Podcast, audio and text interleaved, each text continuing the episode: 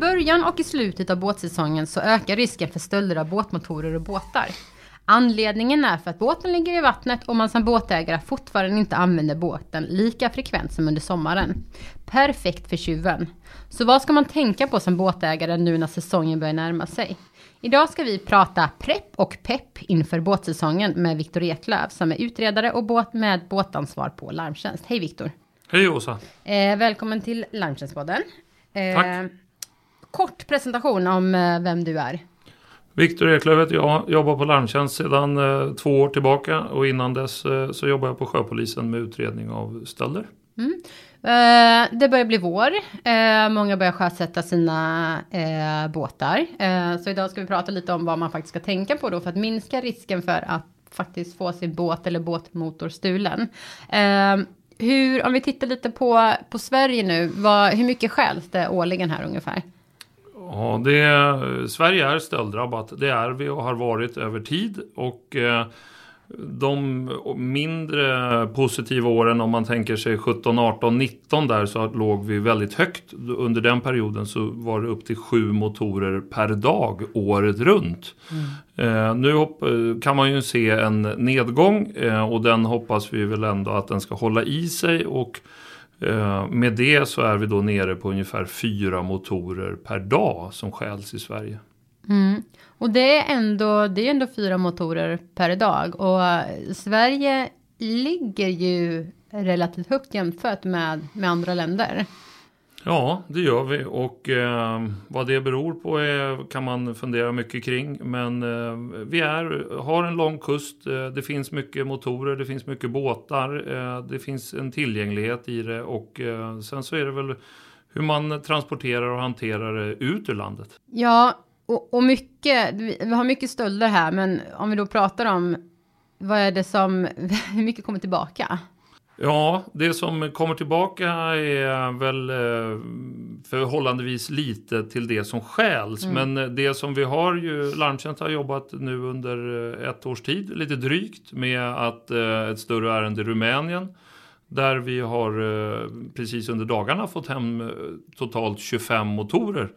Som rumänsk polis har tagit i beslag, vidarebefordrat till svensk polis.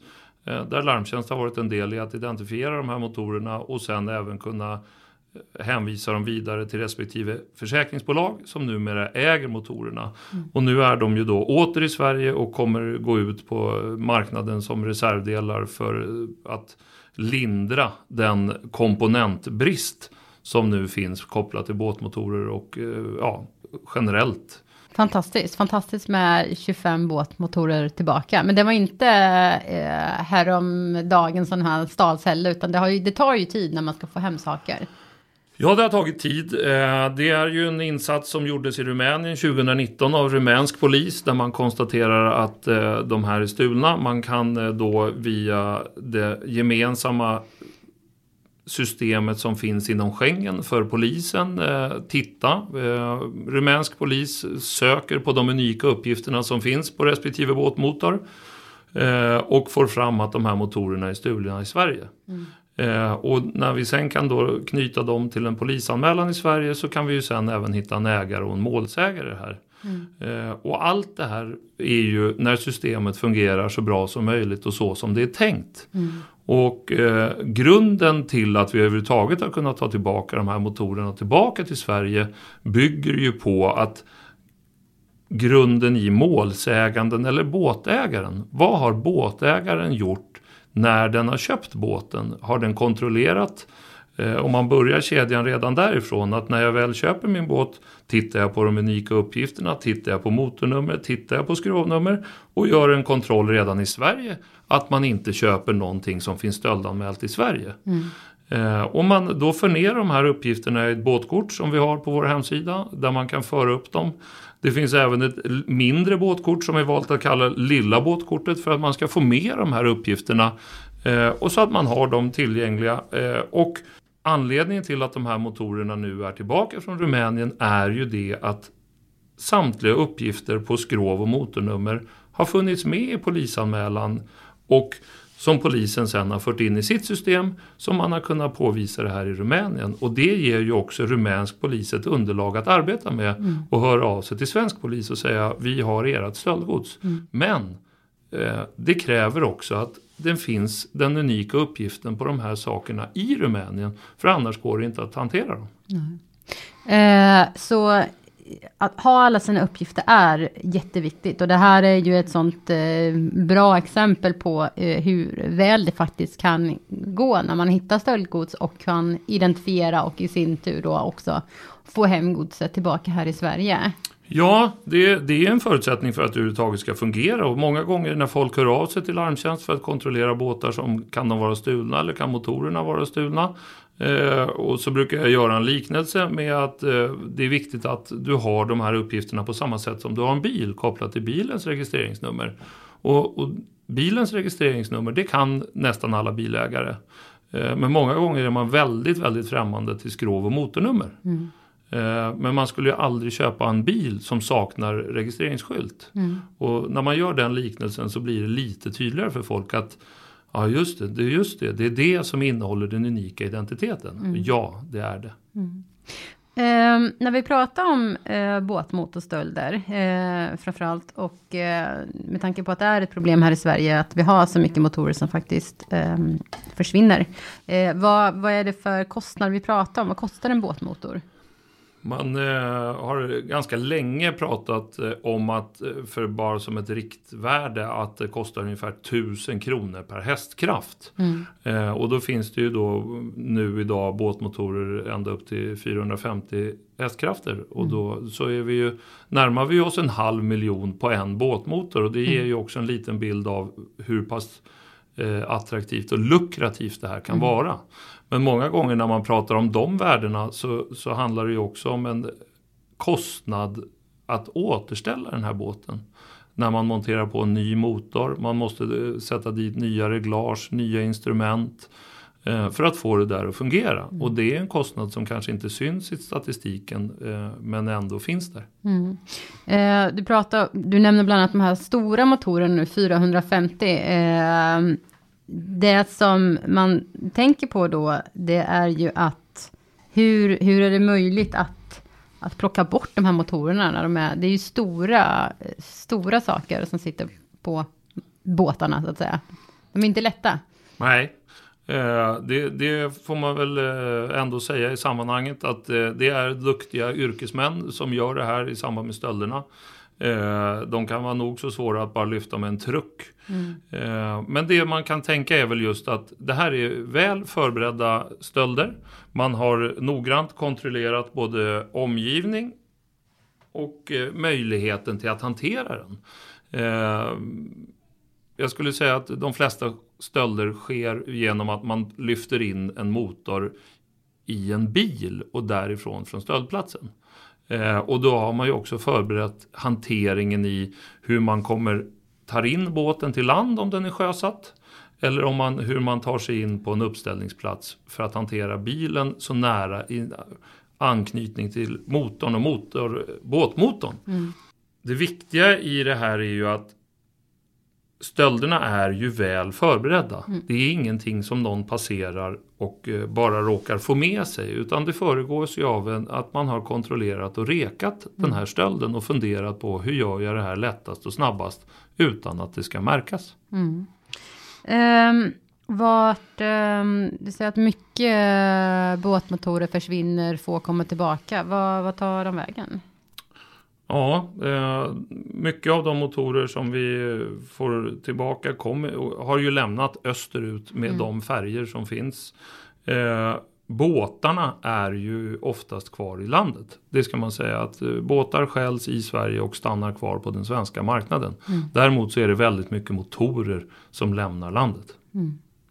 Eh, nämnde i inledningen eh, att man kan se en ökning av, eh, av stölder under vår och sommaren. Eh, eller vår och hösten rättare sagt. Eh, skulle du kunna eh, prata lite om varför man kan se den här ökningen under den här tiden? Ja, om vi börjar med, med den ökning som brukar nämnas under våren. eh, så skulle jag vilja nyansera den bilden lite grann att den ökning som man kan se kopplat till våren är ju det att många gånger så lämnar man sin båt kanske i sin sommarstuga, eh, säg i augusti-september. Eh, man täcker in den, man tar om hand den och eh, ställer den åt sidan. Sen kommer man tillbaka till sin sommarstuga igen i höjd med påsk och konstaterar att någonting har hänt under den här perioden så vet man inte exakt när man har blivit bestulen.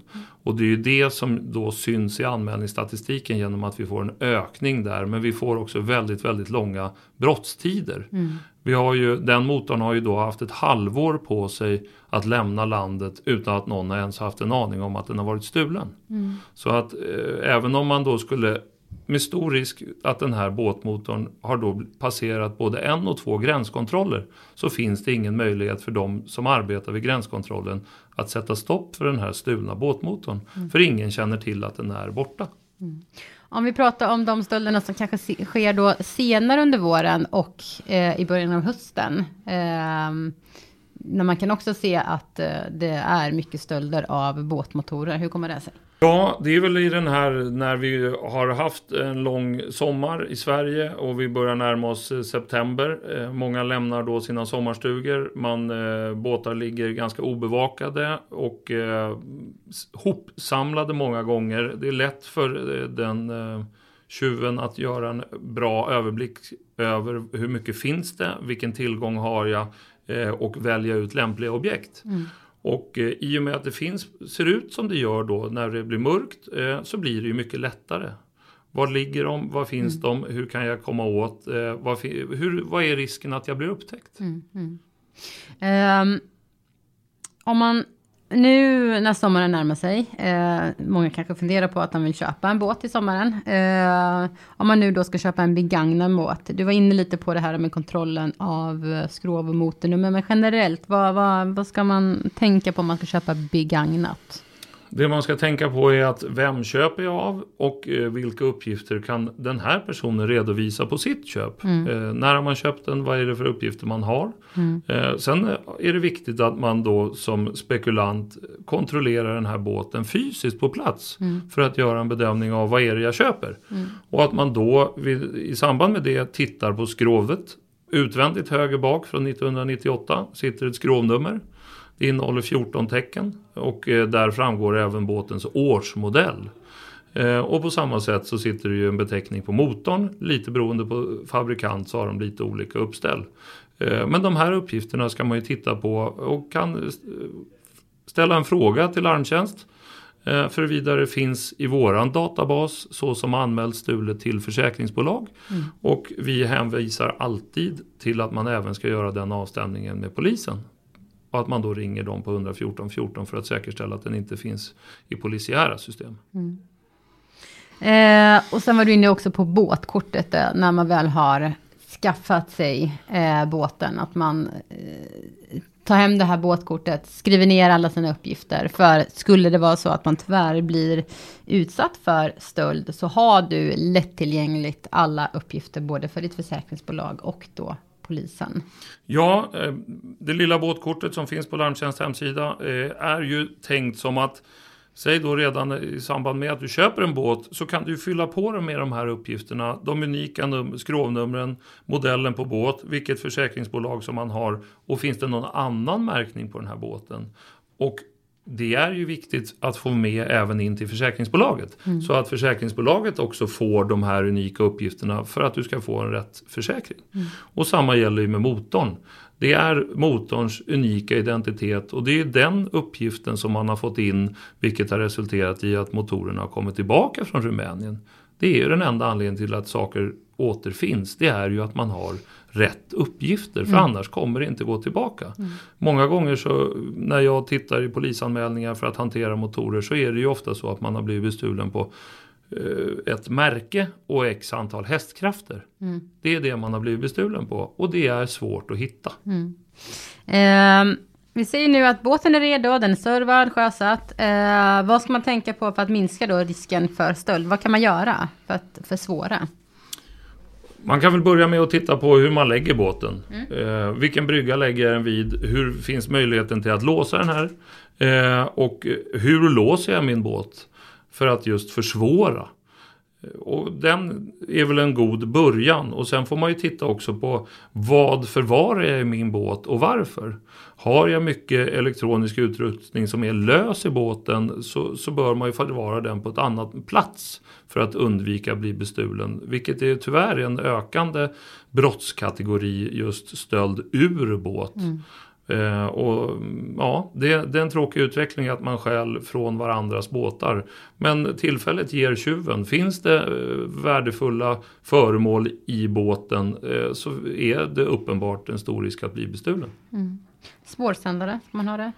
Ja, det är bra. Eh, det finns spårsändare. Det viktiga med spårsändare ska jag säga är ju att man förstår hur spårsändaren fungerar. Eh, köp dem förstå hur det fungerar och sätt dem på ett sådant sätt att det inte är alldeles uppenbart för tjuven som är där och tittar på kan det finnas en spårsändare här? Och gör den bedömningen. Men om man, om man placerar den bra, förstår hur den fungerar eh, så är det absolut eh, ett eh, komplement till de övriga delarna.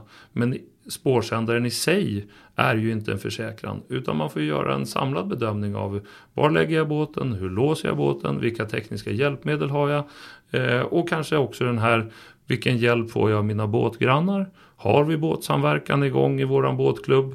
Och har vi, kan jag få hjälp och stöttning för att iaktta konstiga filurer? Eh, och hjälper vi varandra genom båtsamverkan så, så blir det ju bättre resultat. Mm. Det är bra att du nämner båtsamverkan för det är ju också en förebyggande eh, åtgärd. Eh, kan du bara kort säga vad båtsamverkan är?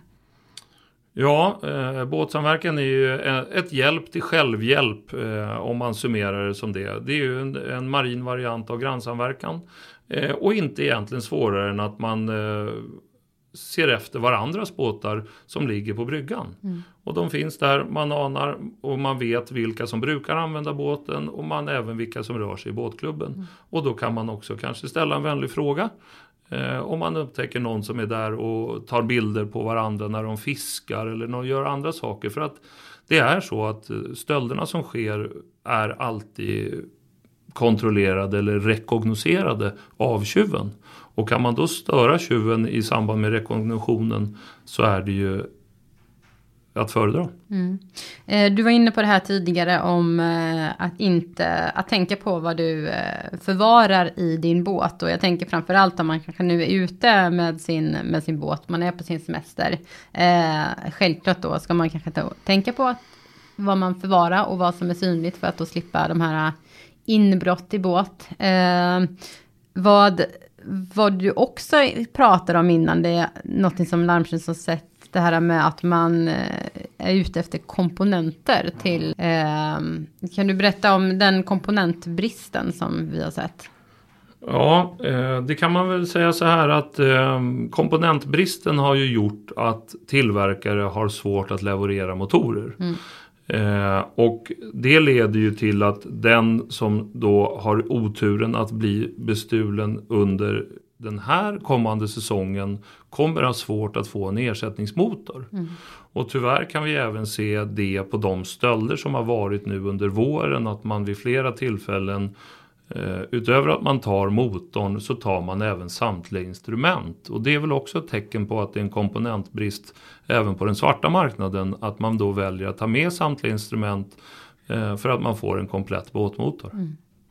Um, så tyvärr kan det vara så att om man inte, det är därför extra viktigt att uh, tänka på både nu uh, hur du minskar risken för, eller framförallt hur du minskar risken för stöld. För att det kan vara tyvärr väldigt tråkiga konsekvenser att du inte ens kan nyttja din båt nu i sommaren. Om det skulle vara så att du blir av med din båtmotor på grund av att det inte finns komponenter till själva motorn. Eh, Känner du att det är någonting annat medskick vi skulle vilja skicka till eh, våra lyssnare och eventuellt nya båtägare eh, innan vi avslutar? Absolut. Det tycker jag att man i samband med att man nu håller på att göra sin ordning sin båt inför sjösättning så har man ett gyllene tillfälle att skriva upp de unika uppgifterna som finns till båten. Även ge dem till sitt försäkringsbolag vilket är viktigt. Men du har också de uppgifterna kopplat till en stöld. Och där har du ju också möjligheten till att få tillbaka det som du har blivit bestulen på. Tack Viktor. Ni har hört eh, Larmtjänstpodden som är en podd eh, från Larmtjänst som är en branschorganisation för sakförsäkringsbolagen med syfte att bekämpa försäkringsrelaterad brottslighet. Dagens gäst var Viktor Eklöf och jag heter Åsa Lundin. Dela gärna podden i alla era sociala kanaler så tackar jag för att ni lyssnade och att vi hörs igen. Tack så mycket.